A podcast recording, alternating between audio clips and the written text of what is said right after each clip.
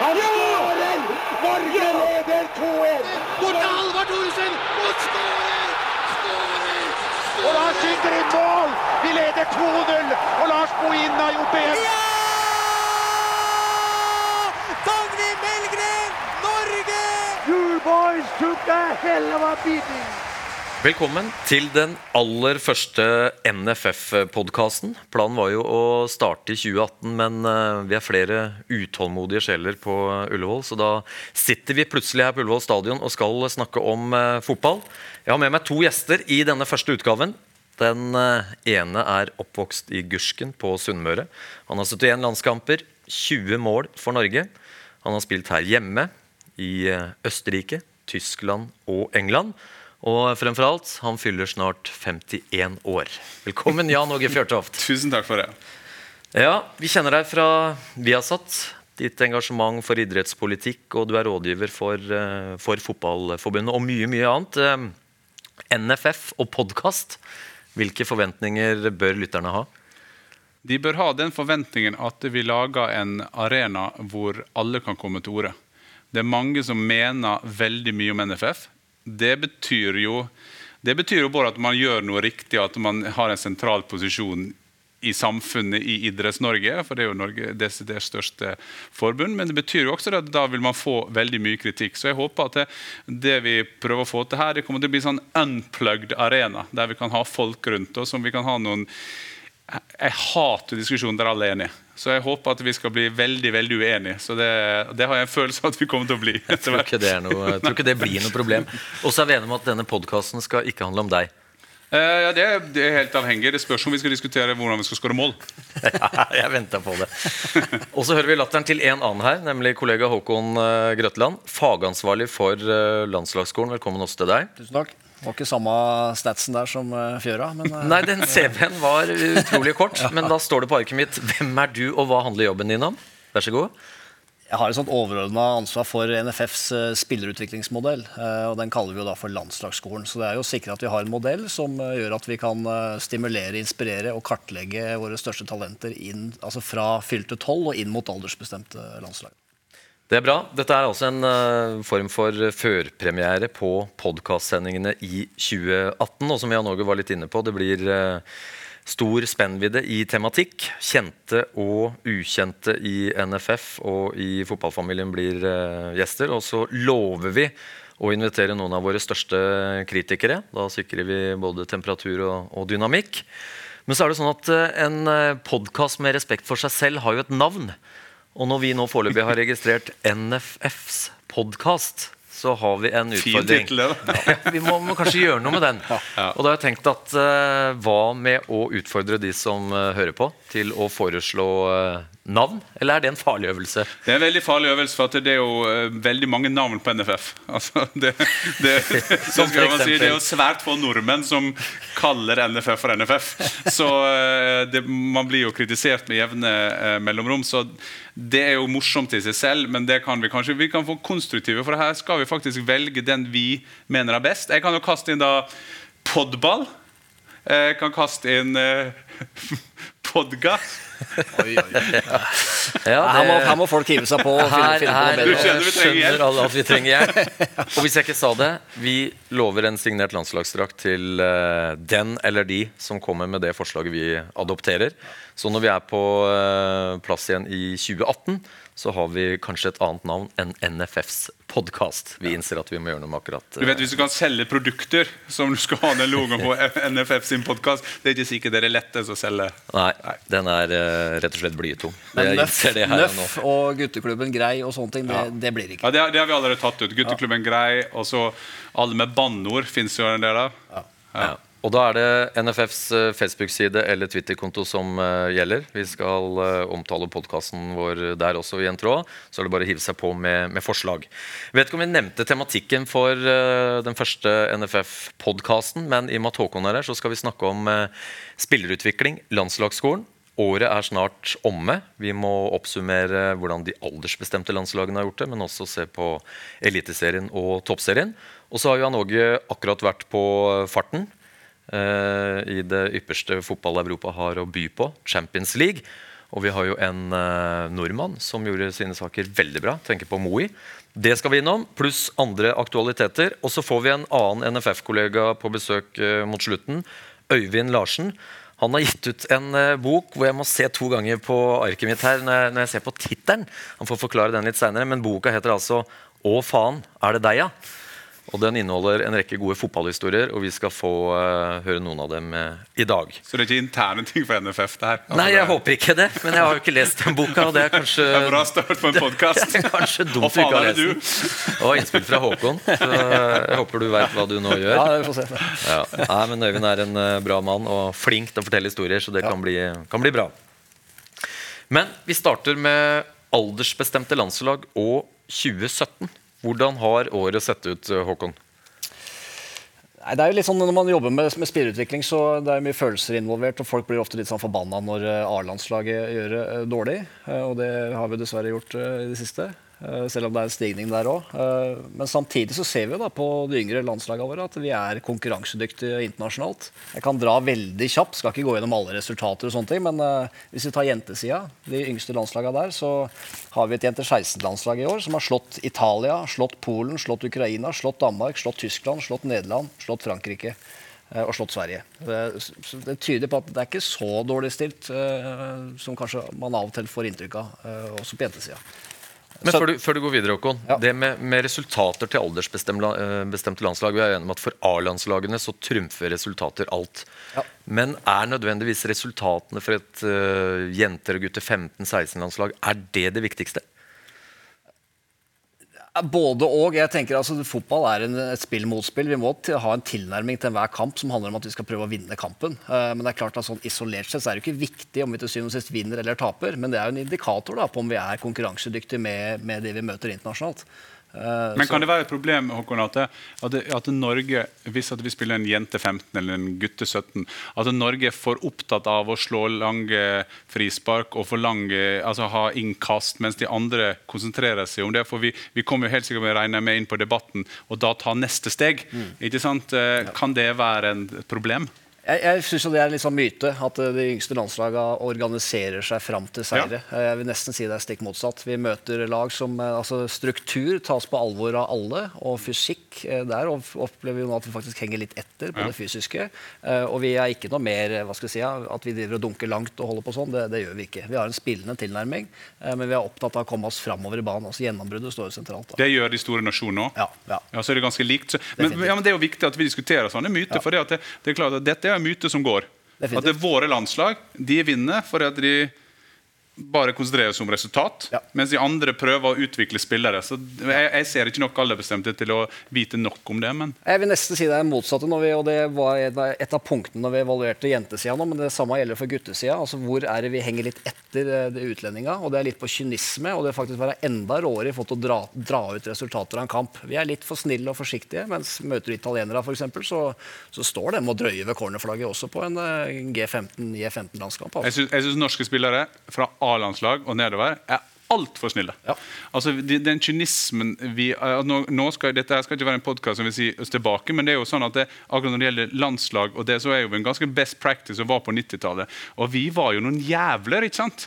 Altså, vi ville, altså, jeg husker når jeg sto på Ullevål her og skulle ut på banen, så tenkte jeg nå må jeg bare passe på at de første fem minuttene, så sparka jeg ikke ned. Men, men da, da kan jeg gjøre det ganske tidlig, for at jeg må sette med respekt. for det at jeg, han skal vite at du kommer ikke til Norge og kødder med oss. altså.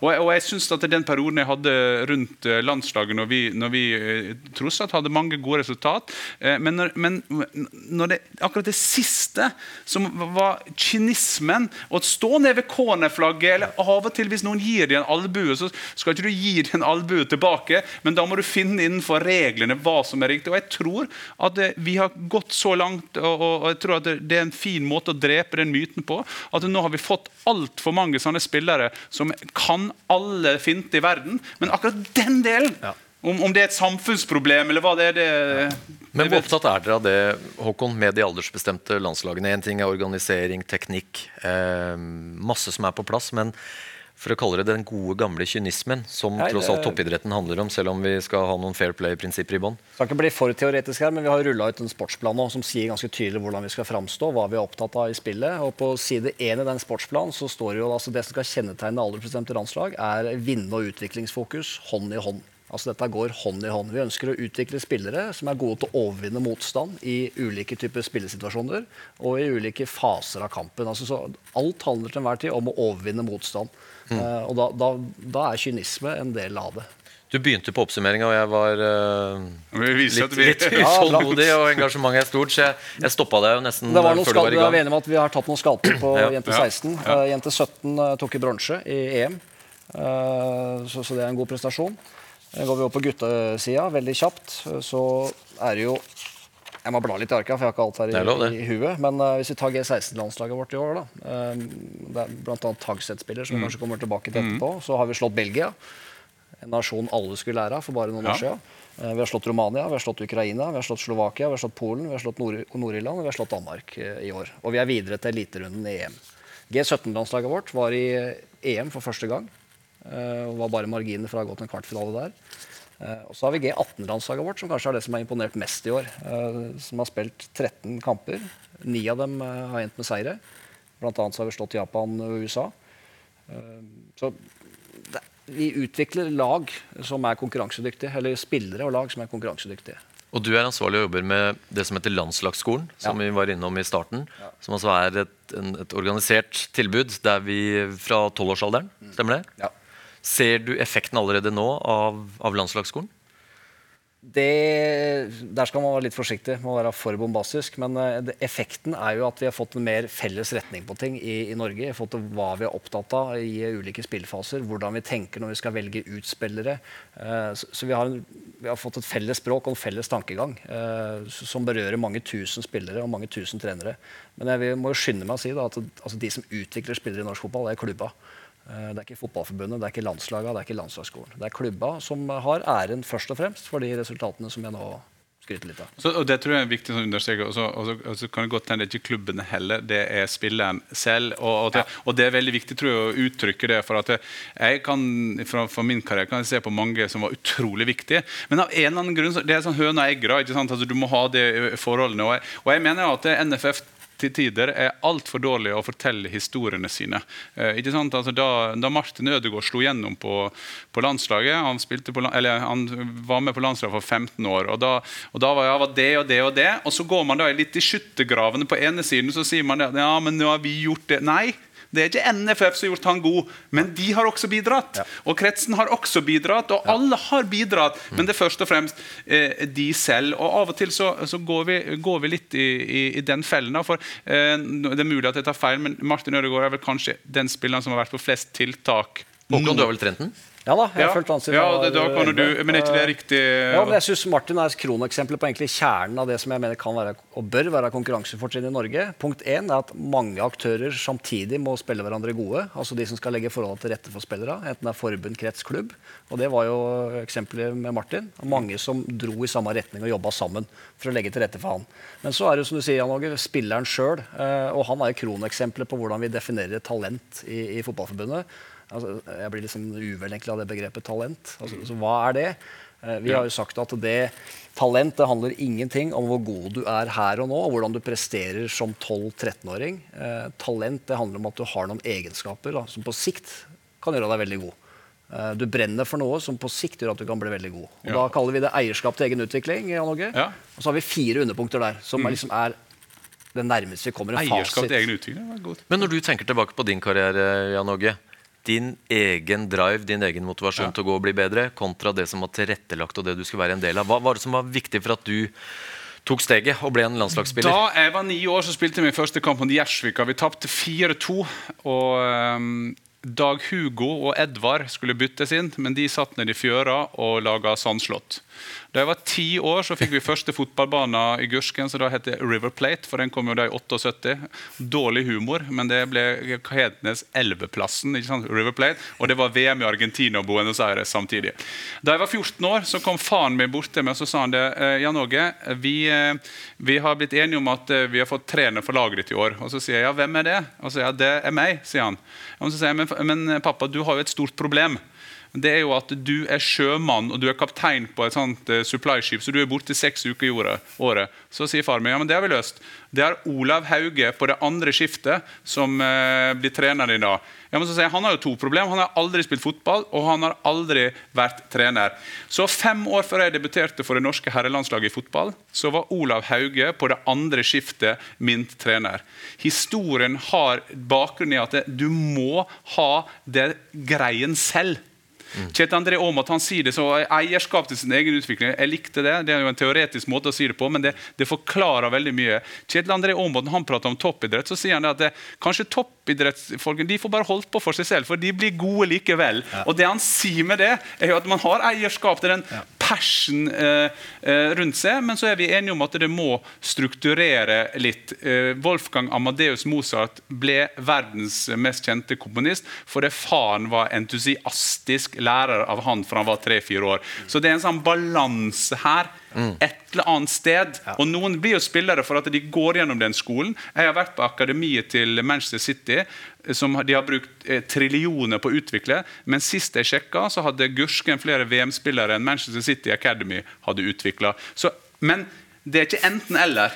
Det er ikke enten-eller. Det er ikke NFF som skaper spillere, men, det, men de trengs for å skape spillere. Det er spillerne selv ja. Og, og, og, det som blir skapt, og Så må man legge til rette sammen med klubbene. som Håkon sier. Ja. Men Håkon, når du skal ut og snakke om den norske modellen ja. Det er ikke sikkert alle som hører på vet hva som er hovedprinsippene i den norske modellen. Kan du veldig kjapt ta oss gjennom det? Ja, da må jeg bli litt sånn, eh, Det kan virke litt pompøst, men altså, visjonen vår er jo fotballglede, muligheter og utfordringer for alle. Uh, og, uh, og, der er vi jo allerede i europatoppen. Fotball er folkesport nummer én i Norge, og vi er blant de nasjonene i Europa hvor flest deltar i sporten sammenligna med innbyggertall. Uh, så Det handler om fotballglede for at flest mulig får gode opplevelser her og nå på banen. Og så handler det om at også nasjon skal få nye, gode, stolte øyeblikk à la det Fjøra var med å bidra med på, på, på 90-tallet.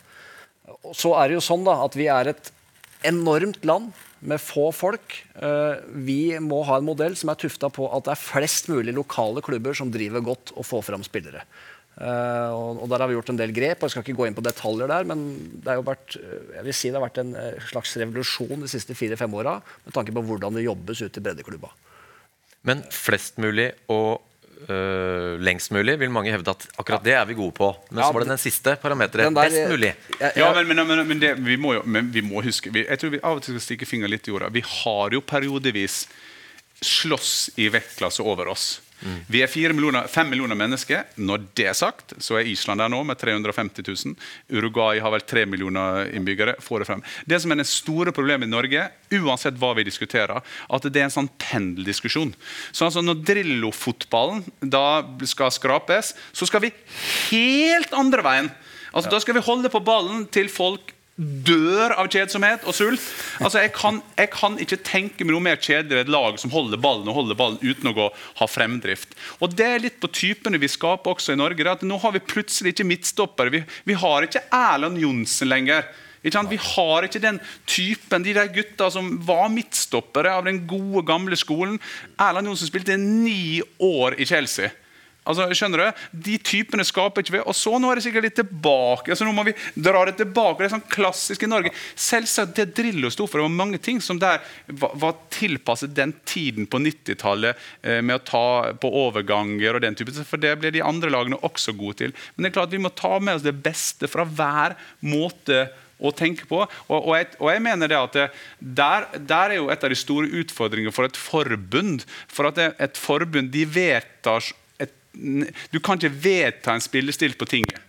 Men med fotballen på godt og vondt så skal alle være med og bestemme. Og så tror jeg det er veldig viktig å skille mellom de. Fotballen i Norge er den største folkebevegelsen. Vi må skille mellom folkebevegelsen, hvilket ansvar vi har for det. Eh, med bare utvikling av jentefotballen, som er Norges nest største idrett hvis det blir tatt ut, er helt fantastisk. Den utviklingen som er der. Så, så vi kan ikke diskutere alle diskusjoner inn i én ting. Og hvis folk slutter når de er 15 år, ja, men så slutter de når de er 15 år. Da begynner de kanskje noe annet, da.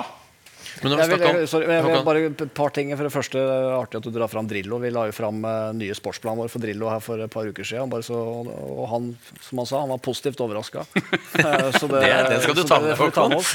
Eh, og så jeg vil bare henge på den, den flest mulig, lengst mulig, best mulig. For Mm. den blir litt sånn latterliggjort. Og det er noen sånne myter om at vi i, i Norge så er vi opptatt av å bare grafse til oss flest mulig spillere.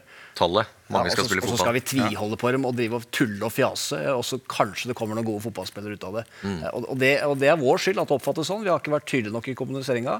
Men det er klart at ønsker vi at flest mulig skal holde på lengst mulig, så må vi ha fokus på utvikling eh, fra dag én. For det er det at du utvikler deg, blir en bedre spiller og mestrer og får til ting. Ikke best, men bedre. Ja, Ja, utvikling, Altså, så, så Det er sånn vi oppfatter best mulig. Det handler om at hvert enkelt individ når de kommer inn i fotballen, skal oppleve å ta steg og utvikle seg. Det er veien for å få fram toppspillere, mener vi.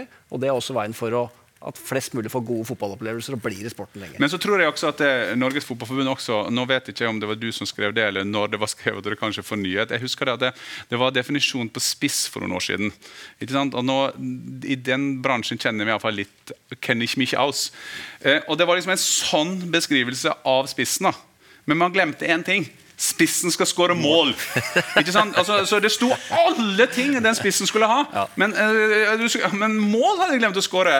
Og du kan tenke Hvis Gert Muller hadde begynt på G15 i Norge, for de som er da litt eldre eh, eller de yngre, må bare google Gert Muller. Kanskje Tidnes. Alt var feil på han. Altså I den der eh, versjonen dere hadde på nå, nå er jeg litt stygg, men, men altså, Gert Muller hadde, for han hadde vi, vi må huske på at det, det er Men for meg handler også det om litt kynisme. da Altså at Vi må ha han tjukk, tynn eller hjulbeint eller altfor høy. At vi prøver å få til det inn i samme systemet. da. Men en problemstilling som kanskje blir mer og mer synlig, og det henger sammen med det du sa innledningsvis. Vi har resultater på aldersbestemt nivå. Vi har enkeltspillere som er gode teknikere og som matcher de beste i Europa. Og så skal de ta steget over til A-landslagene. Og så eh, har vi ikke spillere som er dominante i store klubber i de beste ligaene. Hvorfor klarer ikke flere å ta det spranget? Nei, Det der er veldig sammensatt, og der kan eh, etter hvert uh, Jan Åge kanskje supplere meg. Men jeg vil peke på én ting først, og det, og det har litt med sånn samfunnsmessig ting å gjøre. som jeg tror vi skal ta med oss. Uh, jeg, jeg, folk som har hørt meg før, blir sikkert drittlei at jeg drar fram den greia her. Podkasten er helt fersk. Så ja, jeg jeg, jeg synes, Det var en undersøkelse i Nederland som sammenligna de spillere som lykkes, uh, med de som akkurat ikke lykkes. Eh, altså alle, var talenter, men det var noen som tok steget, og noen som ikke tok steget. Og det de som lykkes, hadde til felles, uh, det var at de hadde skilte foreldre, Uh, de hadde minoritetsbakgrunn, og de var yngst i søskenflokk.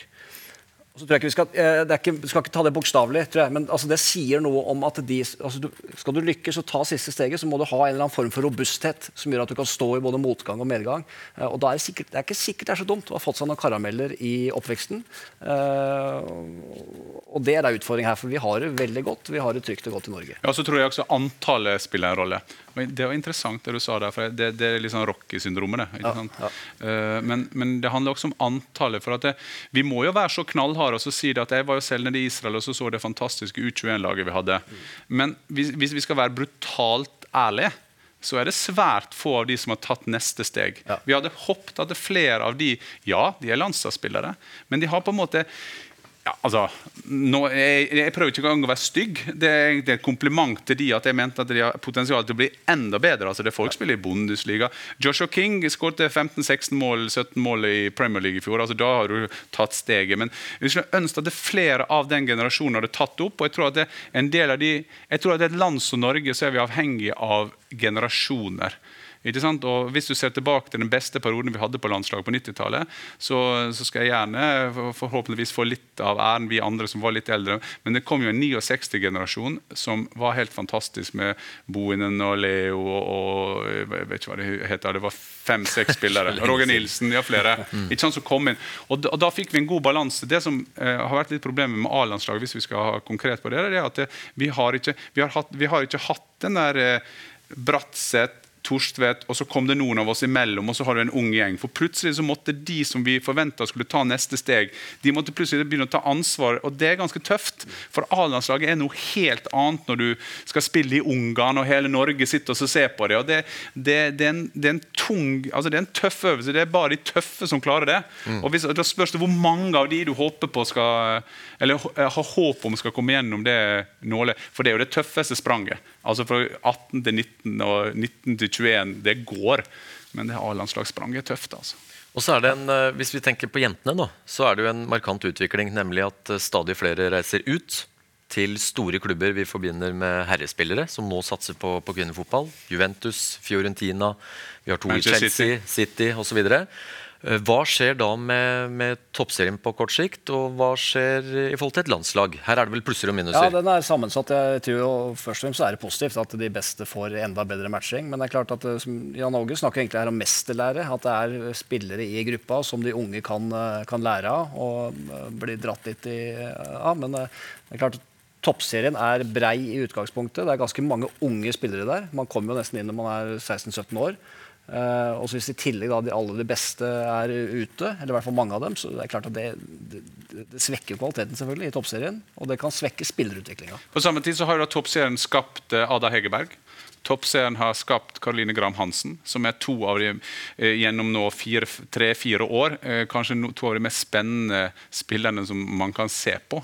Og jeg må jo si, eh, må jo si når man ser sluttspillene, og man ser de spillerne som, som, vi har utviklet, men ikke minst andre nasjoner. som Du kan tenke deg Nederland, nå, da, som plutselig håpet deres er da kvinnelandslaget. For herrelandslaget har ikke de individualistene. og Jeg skulle gjerne huske navnene på alle nå, men de, de hadde et par-tre spillere. Danmark hadde et par-tre fantastiske fotballspillere. Og så har vi et par-tre, vi òg, som vi har skapt i, i vårt land. Og da, da, det, må jo være en, eh, det må jo være en utrolig snakk om Det er jo forskjellen på å ha de i garderober der de kan lære. Selvsagt, det er jo det, det beste. Men neste er jo også å se at det er, er mulig eh, å ta neste steg. Ja.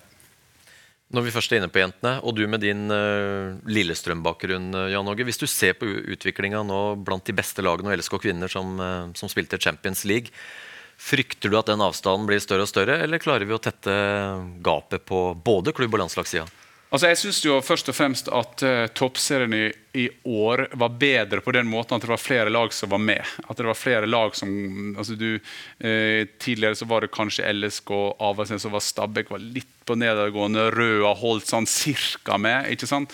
Så er jo det all ære til Per Berg og, og, og hans like i Avaldsnes, som da finner ut at vi skal bruke penger. Jeg, jeg skulle ønske at flere gjorde det. Jeg mener jo det at du får mer igjen for, kirka, du får mer, mye mer igjen for pengene ved å gå inn i, i, kvinne, i kvinnefotballen med å utvikle den. for Der tror jeg vi har enda mer å gå på. for at det, De er utrolig lærevillige.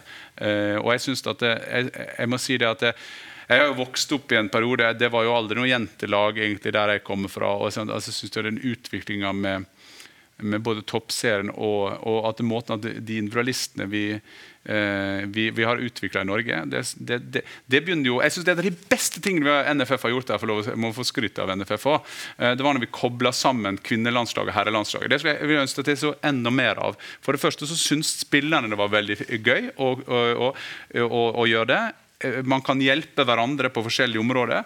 Eh, og så ikke minst så har vi kommet nå i en situasjon at Karoline eh, Graham og, og, Ada er jo da eh, nesten forbilde for herrespillerne.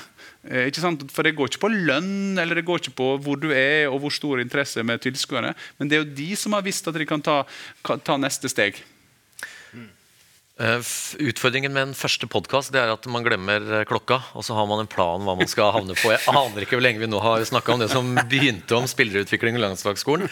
Og så sklei vi litt over på, på toppserien. Den skal vi snakke mer om. Men vi gjør et lite temaskift nå. Nå kommer det noen kjente toner.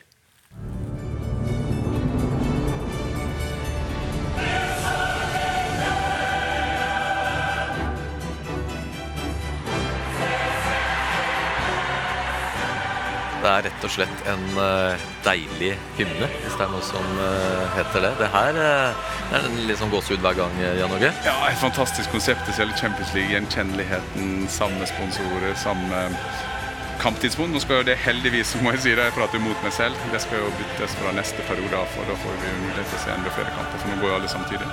Det skal sies det at eh, i uka, dette er da spilt inn på fredag den eh, 8. desember, breier man å si på podkast, har jeg lært. Ja. Eh, og for tre dager siden så var jeg på Old Trafford, og da skjedde det noe. Humna ble ikke spilt, så spillerne bare sto der. Det var faktisk noe med anlegget. Den der som de skulle sette inn, ble ødelagt.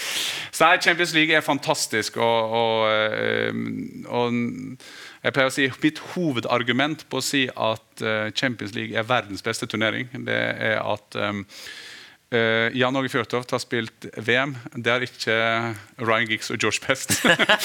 og, da, og da bruker jeg meg selv på bare Men, uh, men uh, verdens beste spiller er det. Og, og når de sier det at, um, at Messi har ikke vunnet VM, bruker de å si for å bli sammenlignet med Maradona. Han, har, men han har vunnet Champions League, Ja. og du kan si nesten at, at Champions League-lagene er nok bedre enn landslagene.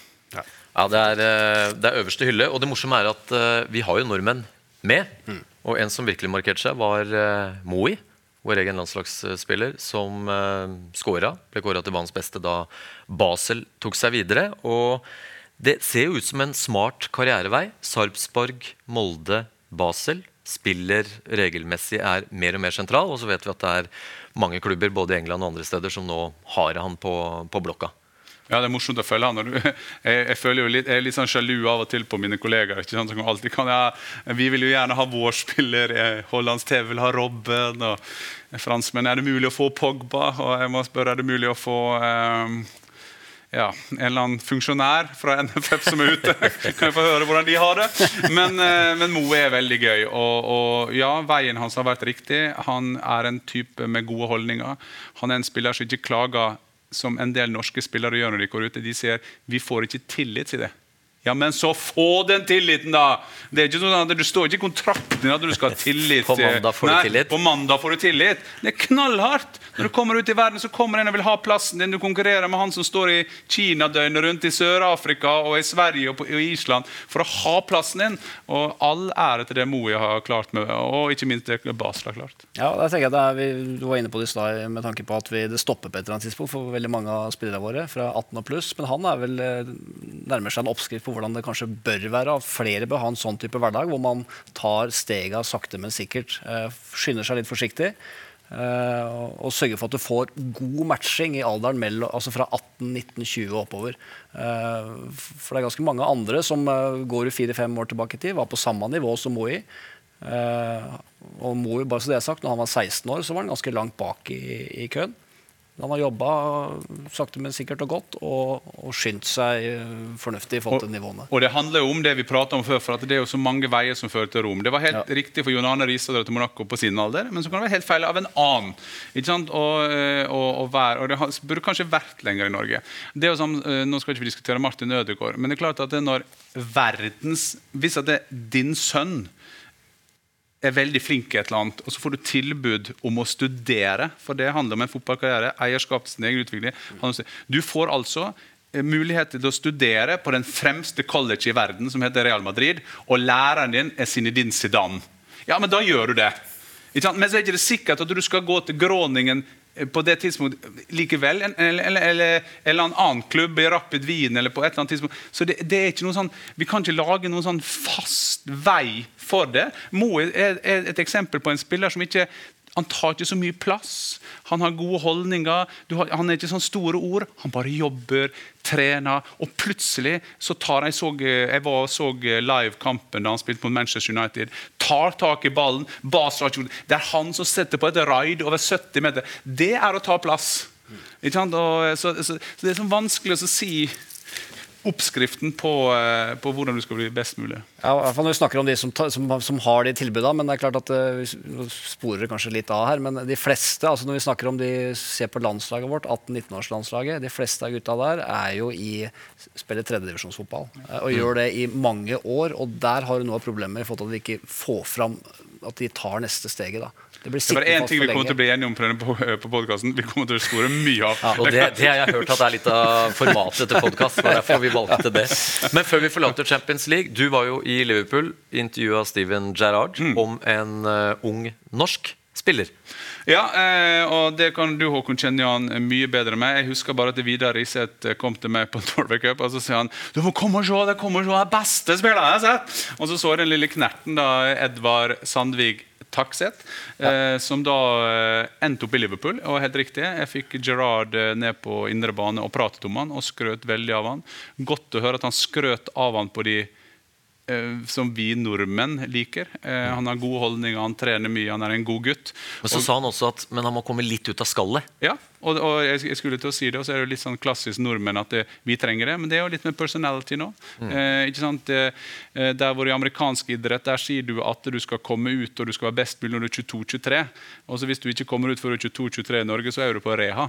Altså Da, må du, da blir du lagt inn, ikke sant? for da er du ferdig. Du er jo gammel da i Norge. Mens i USA altså, så utvikler de spillere innom college-systemet, og så skal de komme ut. og er det, Han er 17-18 år.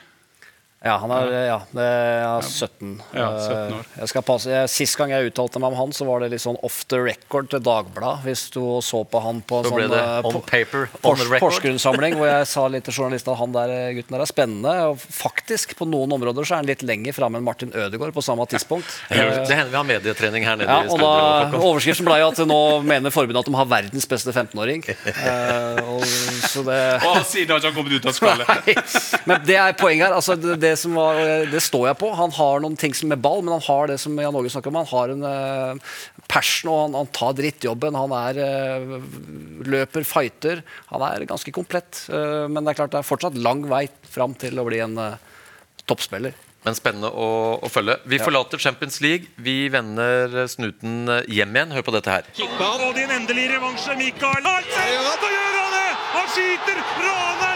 lilleputten, Myggen fra Trondheim, opp i Eliteserien! Med historiens minste budsjett så har Ranheim tatt steget opp eh, blant de beste i Eliteserien. Jeg tror budsjettet var på 12 millioner i år.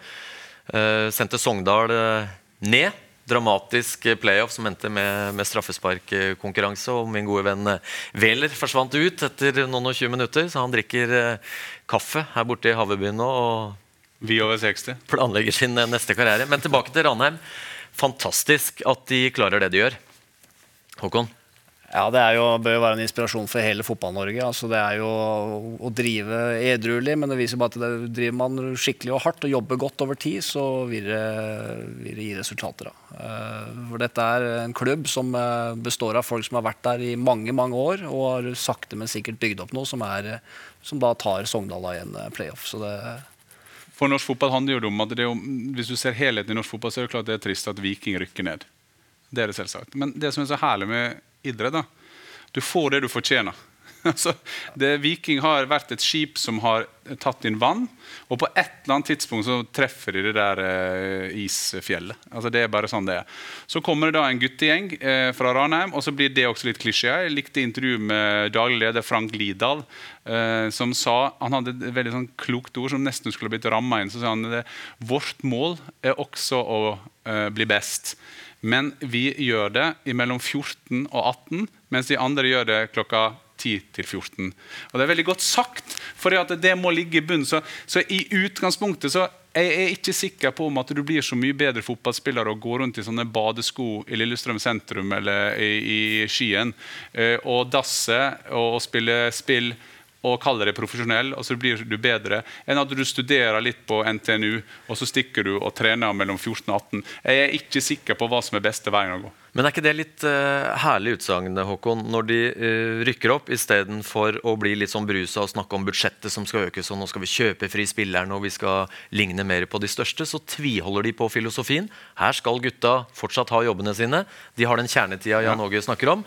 Og er de gode nok og skjerpa nok i det tidsrommet, så er det mulig å slåss mot de beste. Ja, det er veldig inspirerende. og Det er, liksom, det er ikke bare Ranheim som vi kan dra Sarpsborg litt. ja, Altså, de har jo større budsjett, men det er litt det samme. altså. Kristiansund òg, egentlig. Ja, så det, er, de har- det består av en gjeng som jobber hardt og skikkelig, og da, da kommer resultater. Også, det handler ikke om til syvende og sist om du har eh, 20 eller eh, 10 millioner i budsjett. Altså. Det handler om det som skjer på det feltet hver eneste dag. Og Sarpsborg er vel kanskje den fremste eksponenten de siste årene i Eliteserien på en klubb som sakte, men sikkert har etablert seg, har solid økonomi, har uh... God, altså, god, altså, god, jeg tenkte på cupfinalen, jeg er jo selvsagt utrolig glad for at Lillestrøm vant. og Det var jo en, en dramaturgisk, en fantastisk cupfinale, og selvsagt skulle Frode Kippe avgjøre det skada og shaky. Men, men så jeg synes det var bra for norsk fotball at det, Lillestrøm vi trenger Lillestrøm. Uh, at ikke det, Lillestrøm er bare noe de driver oppå, oppå Lillestrøm. Det tror jeg er viktig. Men det var litt synd på andre siden, hvis jeg skal ta på meg den andre hatten. fordi at eh, Sarpsborg gjør en fantastisk jobb i Geir Bakke og Thomas Berntsen og strukturen de har bygd opp der nede. Det er en superinspirasjon til alle. Det, det er på en måte sånn moderne Sogndal, egentlig. Eh, måten de har gjort det der. Og de har god oversikt på de tredje, andre uh, divisjonsspillerne. Og det er liksom ikke noe, det er ikke noe hemmeligheter utover at man bare jobber hardt og skikkelig over tid altså, og hver dag eh, på feltet. Og en, eh, en sportssjef og et apparat som er, som er ute og følger opp og kartlegger spillere. Men det er liksom ikke noe hokus pokus. Det er bare hardt arbeid. Men så Ranheim, hvis det var riktig, så har de altså 12 millioner i omsetning. Og jeg lurer på om Kristiansund hadde minst, og hadde de 35? Jeg husker ikke Ja, det, var, altså, det, har- men det, men, eh, vel enorme tall. Det er ikke bare det at de har, de har jo for, jeg så, de har 12 millioner. Fredrikstad, som nå skal opp fra eh, andredivisjon, har 20, hvis ifølge eh, VG. når vi Så det der. Så jeg, jeg syns det er bare positivt. og jeg synes det Å få, få denne typen Det skal du ha innimellom. Det ser du sågar i tyske Bundesligaen. Plutselig kommer det Greute du har Ingolstadt. altså Du har sånne lag som du ikke vet hvor hvor jeg er fra, og så plutselig og, og, og Da er ikke det et godt eksempel på Hoffenheim, for der bruker de veldig mye penger for å få Der, der må, også må de jobbe godt, for penger er ikke noe Men det, det, det er plutselig lagene det, det er et lag som plutselig rykker opp mot alle odds. Uh, se, se på Burnley nå i Premier League. Mot alle odds, for de jobber veldig godt. Så har de et høyt budsjett, men de har ikke et høyt budsjett i forhold til de andre Premier League-lagene. Så, så for norsk fotball er det helt fantastisk. Og bare det å skrive historien Ranheim-Rosenborg? Altså den, den kampen kan du sette hvor som helst. Og så så jeg men bare sånn Apropos, da, i og med at dette er en NFF-podkast, så ser jeg liksom for meg de her legendariske folkene vi har på NFF nå som skal oppover og godkjenne dette her anlegget. Ikke sant? Og jeg ser for meg jo, det jo, jo, jo, Det jo, jo, jo, jeg tenkte jeg må bare se for meg det. Og da minnet vi om den historien når Dag Westlund, som en helt legende i norsk fotball, kommer til Bærum. øh, og, øh, og Ståle Lundemo han har gjort alt klart. De skal spille cupkamp mot Vålerenga. Og han har gjort alt han kunne. og Ståle Lundemo er sånn som øh, Han har mange navn på NFF. uten å, uten, ja, men vi må få lov Kanskje han kan bidra Vi kan love, vi kan oute han. Men så kommer vi helt til slutt, og så sier, og det er kvelden før, og så kommer Dag Wester og sier alt er tipp topp. Men jeg skulle gjerne hatt stengrene skulle ha vært hvite. Og så sier, og så sier Ståle Lundemo Ifølge sagnet så sier han ja, men det er greit i dag. Da kan jeg være oppe hele natt og male stengrene. Så sier Dag Westerlund fint, det.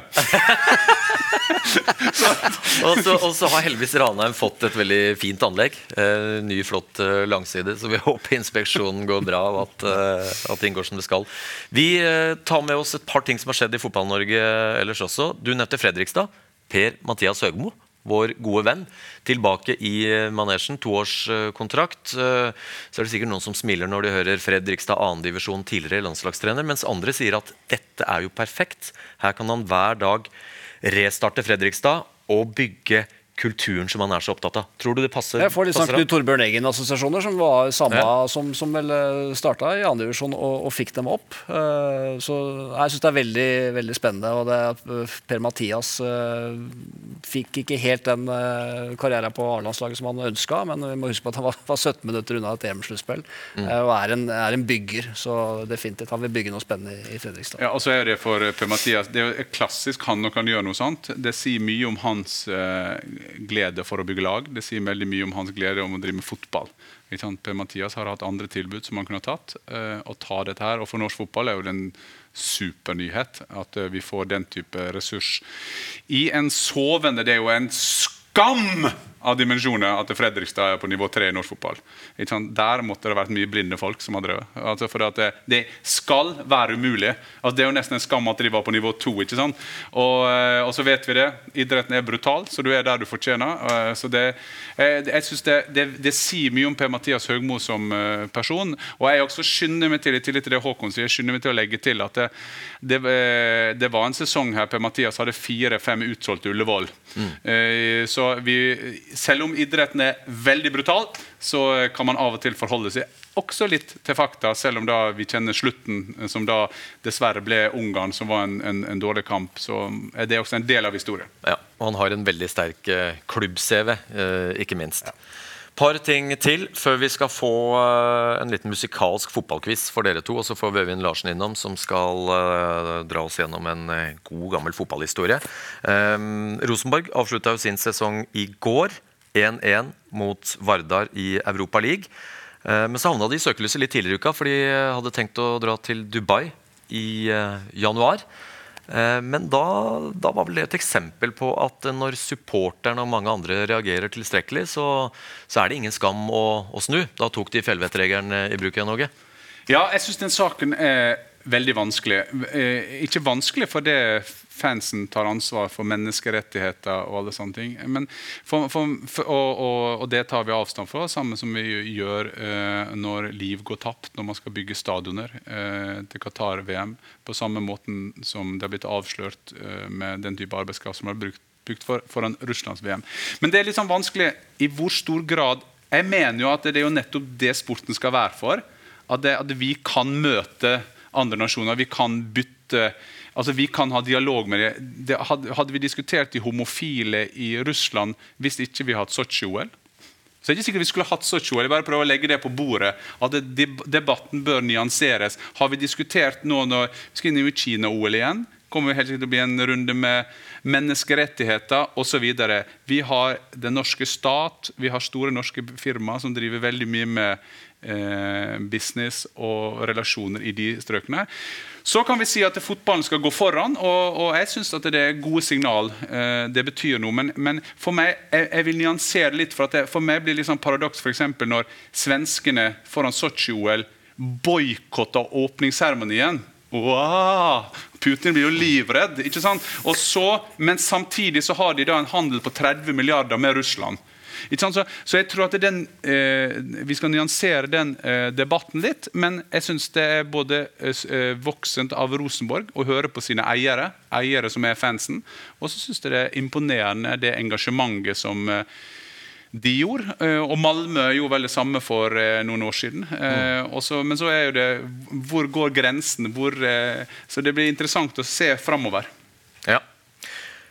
Et tema til før uh, musikken uh, når oss, og det er Vålerenga. Og da tenker jeg på, på, jentene, for de har fått ny trener, Monica Knutsen, som jo jobba i en 50 %-stilling her i Fotballforbundet, og som var i LSK kvinner uh, før det med stor suksess. Og så har Isabel Herlovsen akkurat signert for Vålerenga, og Eli Landsem er der som sportssjef. Det virker på papiret som et spennende prosjekt som Toppserien kan nyte veldig godt av. Ja, og det, Jeg håper det blir enda flere sånne. Altså, det er på en måte toppklubb på herresida som nå også blir flaggskip på, på damesida. Jeg tror jeg kan eh, jeg bare se for meg type Ronny Deila og Monica Knutsen dra veksler på hverandre og jobbe godt sammen der. det, eh, ja, det er Flere sånne flaggskip det tror jeg er veien å gå på, på damesida, og det er Vålerenga et forbilde. Vålerenga forbilder, det var bra. Altså, jeg håpet jo at Lillesund skulle komme til finalen, for de ble jo slått ut i semifinalen av Vålerenga ganske overraskende. Men de var jo i cupfinalen, og jeg tror at for, for norsk eh, kvinnefotball det, eh, og norsk fotball så, så, var det bedre kanskje at Vålerenga var der, for det blir jo på en måte en lounge på det de ønsker å gjøre med ny stadion, etter hjem. Så vil jeg si på samtidig at det for meg er det helt ubeskrivelig rart at uh, norske toppklubber ikke tar enda mer ansvar. Jeg mener jo at det for Lillestrøm, f.eks. at LSK kvinner har jo vært med på i en tung tid for A-laget, eh, herre, eh, og holdt de oppe. Brandet til Lillestrøm. Jeg, jeg så nå at Obos eh, har gått inn og krevd noe av Rosenborg i forhold til hva de skal gjøre med Trondheimsøen. Mm. Jeg håper jo det at Rosenborg skal bli enda mer aktiv der. Jeg håper at Brann skal ta et ansvar i Bergen for hva de kan gjøre der. slik at det, Det er ikke noe sånn det, det, er ikke behovet for at det, alle lagene må hete det samme. og Det er ikke det jeg mener at herrelagene skal sluke over de, men det er bare at jeg, jeg forstår rett og slett ikke at ikke de skjønner at det er en bra ting for de å gjøre i en tid der det blir prata mye om samfunnsansvar, og akkurat sånn som du sier, tenk hvor mye vi kan lære av de da. Jeg er sikker på at Flere av de jentene har en mye mye bedre treningskultur enn en del av de guttene som spiller eliteserie. Det presser seg fram nå, tror jeg. De neste to-tre åra vil vi se en, uh, se en, endring på det. og Vi ser i utlandet nå med Barcelona og Manchester City. altså De store lagene i utlandet har jo gode damelag. Ok, Vi skal holde oss uh, innen kvinnefotballen. Hør på dette her.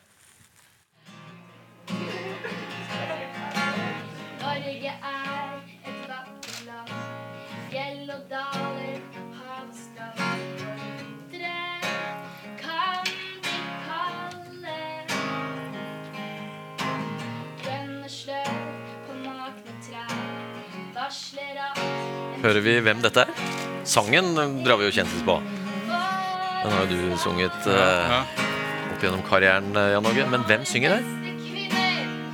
Ja, det er ikke Vidar Davidsen. Det var ikke han som laga sanger i norsk fotball. Nei. Hvis jeg sier at det er eh, kanskje vår største popstjerne her hjemme akkurat nå.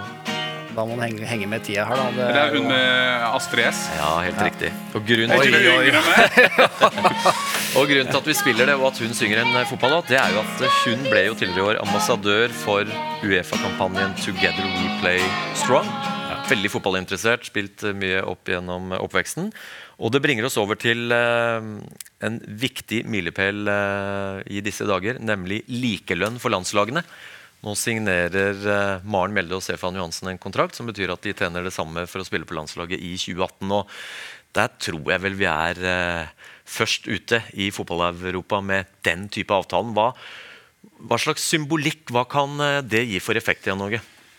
Nei, igjen må vi få lov å si at eh, det var veldig bra. Det er to ting da i 2018 som har skapt uh, store oppslag rundt om i hele verden. Det var jo da uh, denne avtalen der, og så han LSK-spilleren som tok kongepokalen. Pokalstuntet. Uh. Men uansett da, så er det et veldig bra signal, og jeg følger veldig godt med, eh, med eh, en kampanje som heter He for She. Eh, Det betyr det at eh, menn må bidra mer til å få fram både likestilling eh, generelt, men også innenfor idretten. Og vi har jo hatt debattene rundt Wimbledon med prispenger osv. Så, videre. så det var et veldig symbolsk viktig del. Akkurat som jeg sa også, at jenter og guttene i Norge kommer nærmere hverandre. at man, Vi hadde jo en felles trening her for noen år siden. altså Sånne ting kan gjøre, og jeg tror at det, det er bare noe som du ser folk si ja, og så var det altså, I og med at det var NFF som gjorde det, så la de til. Men skulle bare mangle så gjort det før. For du måtte jo ligge et eller annet der. Så, fair enough. Men jeg, det tror jeg, og jeg, jeg ser også flere av eh, de ledende eh, i forbundet rundt om i verden, de ser til dette her nå. Så, så kan det godt hende at det går nok en stund, for at det er en del veldig mannsorienterte miljø. Men eh, jeg, jeg, jeg mener at det, når du ser på de internasjonale resultatene, så skulle jo det bare mangle. For av en eller annen grunn så hyller vi kvinnelangrenn. Selv om vi løper eller går på ski veldig mye eh, saktere enn mennene. Men, eh, men, og det er veldig sånn kvinnehåndball også. Mens i fotball så har det på en måte, de har blitt litt sett ned på bare på at det, ja, de gjør sånn når de demper ballen, og keeperne har ikke vært gode. Det har vært så mange myter. Og dette her er et signal på å gi dem den statusen som om ikke andre syns det er bra, at det betyr at jentene forstår at de er tatt vare på. Og det si så vi altså- jo på reaksjonene. Ja, men jeg vil jo si, altså, Hvis det er noe som er toppidrett på kvinnesida, så er det jo det å spille på A-landslaget damer. Altså Målt opp mot hvor mange du faktisk konkurrerer mot. Verdens største Ja, verdens største. Norges største. Ja. Du, Nå sitter det en på gangen hvis han ikke har gått hjem. For det eneste som var sikkert før denne podkasten, var at vi kom til å sprekke på, på tid. Hvis vi hadde noe tidsramme. Men eh, Øyvind Larsen, fagansvarlig for trener- og aktivitetsutvikling i Fotballforbundet, han, eh, han er en mann full av gode historier. Så jeg lurer på Håkon, om du skal overlate mikrofonen til han. Yes. Takk for at du eh, stilte. Du kommer innom her igjen. Og så ønsker vi deg god fotballjul. Takk for det. I fotball som i alt annet så er gode historier eh, et must. Og nå har vi fått besøk av eh, Øyvind Larsen. Du har laget en, eh, eller du gir ut straks en bok med en fiffig tittel. Å faen, er det deg, ja? Ja, det stemmer det. Det er, det er faktisk et honnørsetning i Drammen. Altså. Altså, hvis Er vi i Drammen, ja? Ja, nå er vi i Drammen. Når vi møter en kamerat, så innleder vi og å faen er det deg, og det er det mest maskuline, vennlige klapp du kan få i Drammen. Det er litt viktig å skjønne betydninga. Eh, før du slipper til med, med historiene du har samla i bokform, Øyvind, så, så er Jan Åge på Vi er nemlig litt på overtid her, så Jan Åge må, må løpe. Men uh, du har kanskje en, en Det er første historie, gang jeg har løpt i karrieren Ja. Nei, nei, men altså, jeg elsker jo, jeg elsker jo det, sånn som det initiativet som Øyvind har tatt der. Og jeg har jo også blitt utfordra noen ganger om å, om å være steder, og så har jeg samla sammen en del av de historiene. Eh, Og man har jo mange historier, men jeg kan, jeg kan ta en som er tilpasset landslaget. da. Det var jo Kjetil Rekdal, som var Norges største komiker, som han selv mener. Han mener jo selv han kan fylle Chat Noir. Eh, og så, eh, så var jo det, så var jo det EM-kvaliken hvor, eh, hvor jeg hadde gått eh, noen minutter uten å ha, å ha skåret. Eh, jeg, pleier å si det, ja, jeg, jeg pleier å si det at et, et, jeg har jo hatt mine tunge perioder. Jeg, har gått perioder uten å skåret mål. Det er det verste 30 minutter i mitt liv. Men, men, eh, men, eh, men, men denne perioden har jeg gått kanskje tre-fire landskamper. Og, og dette var jo en periode det å gå tre-fire landskamper uten å skåre mål, det var jo en katastrofe. Den tiden er jo over. Eh, Men, så sier så sier- og, så, og avisene skrev på minutter, og så spilte du 90 minutter, og så ble det 180, og så spilte vi kanskje halve neste, og det blir sånn 417 minutter, og så spilte vi mot Hviterussland borte, og du var kanskje med, Øyvind.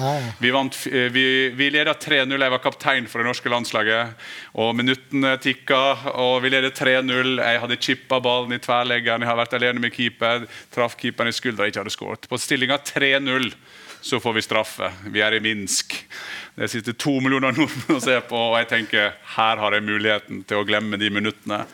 Rett bort til Kjetil Rekdal og så sier du Kjetil, du vet, jeg sier det på banen i EM-kvaliken, så sier jeg, du Kjetil, kanskje jeg bare tar den straffa nå? Så jeg får unna de minuttene, så jeg er ferdig med det. Så så Kjetil Rekdal, holdt ballen i hånda, så så han meg rett inn i øynene og sa hold kjeften din! så minuttene tikka en periode til, men eh, det er jo så Det kommer igjen, da. ja, det, ja da, det kommer. Ja, så da, men eh, da løper jeg, da. Så, Da løper du. Takk for ditt bidrag. Ja, og hvis jeg ikke sa det i starten, så blir du med mer eller mindre fast uh, det gleder jeg meg veldig til. Og vi klarte jo å få podkasten til å ikke bare handle om uh, Fjørtofts eh, Er det 21 landslagsmål? Ja, det var det. Men eh, mens Fjørtoft eh, løper, som også er historisk Øyvind, tilbake til 'Å, faen, er det deg', ja? Det er en sprek eh, tittel. Ja, altså Det er faktisk eh, et eh, honnørsetning, en honnørsetning i Drammen. da Det er hvis jeg treffer deg, du har gått i klassen min, og jeg har ikke sett deg på, på mange år, så sier jeg faktisk eh, Å, faen er det deg, ja? Og det er det mest vennlige, maskuline eh, setningen du kan finne i Drammen. Også. Det er et, eh, det er et pluss. Det er et pluss. Ja, og du har valgt å samle gode historier i, i bokform. Hvorfor det? Ja, det er ikke bare gode historier. Det er det, Ja, Definisjonen på god er jo, er jo ja, ja, da. Nei, det er altså en, et riss i oppvekst. Hva skal til for å få en grei oppvekst? Akkurat som du som er fra Kongsberg. Nikken sa det. Vår eh, legendariske generalsekretær sa det at vi trenger ei kjerke, vi trenger en bane, og vi trenger en skole. Da har vi et godt eh, lokalmiljø. Det er det jeg egentlig beskriver. Og, og når du i tillegg er blokkegutt, da, så, så er, er det røft. Men eh, det er mangefold. Og i den, i den smeltedigeren da, så har jeg mm, masse opplevelser. Jeg har mine helter, og, og ikke minst helter. Eh, Arne Dokken er født eh, rett ved siden av meg. Eh, og en Arild Mathisen, 25 landskamper. Oppvokst på Åsia Drammen. Jeg er fra Åsia Drammen. Han, eh, han debuterte i 65 for eh, Norge. Høyrebekk. Da spilte han venstrebekk. Eh, på et landslag som nesten kvalifiserte seg til VM i 66. To poeng fra. Det har folk glemt. Ja. Slo Jugoslavia 3-0 her. 0-0 i, i Jugoslavia. Men han var så tynn. Han var lang og tynn. Så Willy Kement, som var eh, trener, han var bekymra. Så han satte den på diett, og det var ikke noe eat, move, sleep. Men det var fire bukkøl i uka. Men den bukkølen måtte blandes med sukker og to eggeplommer. Og det var da eh, dietten for Arild Mathisen. Og han fikk faktisk et brev fra Nikken etter sesongen. Arild, dette har vært en fantastisk eh, fotballsesong. Du eh, har debutert på et fantastisk godt landslag. Men husk, du må spise godt, for du er for tynn. Hvis, hvis vår eh, samarbeidspartner ba meg høre på noe, så var det altså litt andre tider. Det var som du sier, det var ikke eat, move, sleep på samme måte som, eh, som i dag. Men du har, eh, du har fullt av, av gode historier i boka. Jeg, sa, jeg har gitt deg fritt spillerom til å dele dem med oss. Du tok en nå. Er det, er det en annen du har på lur? Ja, jeg har i og for seg Den er vel kanskje også beskriver det miljøet. Vi, vi reiste jo mye. Altså, vi var med klubben på, på turer. Det starta med å reise til Kongsberg og til Gol og til Notodden. Og så utvida vi da horisonten, og vi, vi skulle til Danmark. København, Karlslunde. Og vi hadde en trener som eh, Han var ikke så nøye på, med detaljene, da. Og han hadde jo bestilt for få billetter over med båten. Men, og vi hadde buss. Eh, men det løste vi greit. Eh, vi, var bagasje, bagasjen opp i bussen, og så krabba vi inn i bagasjelokket. Seks stykker under, og det gikk helt suverent. Så dere ble smugla over til Danmark? Tur i tur over til Danmark. Og når vi kom til Danmark, da, nå må vi holde oss eh, fast Når vi kom til Danmark, da, så første dagen så var det omvisning på Carlsberg.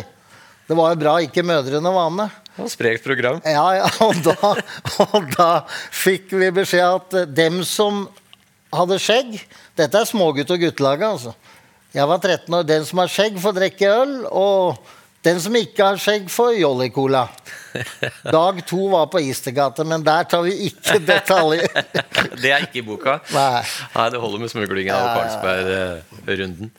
Ja, men eh, det er veldig bra. Eh, Jeg har én til. Ja, men vi har tid til en til. Vær så god. Eh, Jeg tror jeg er den eneste, sammen med lagkamerata, som har spilt i formasjonen 4-5-2.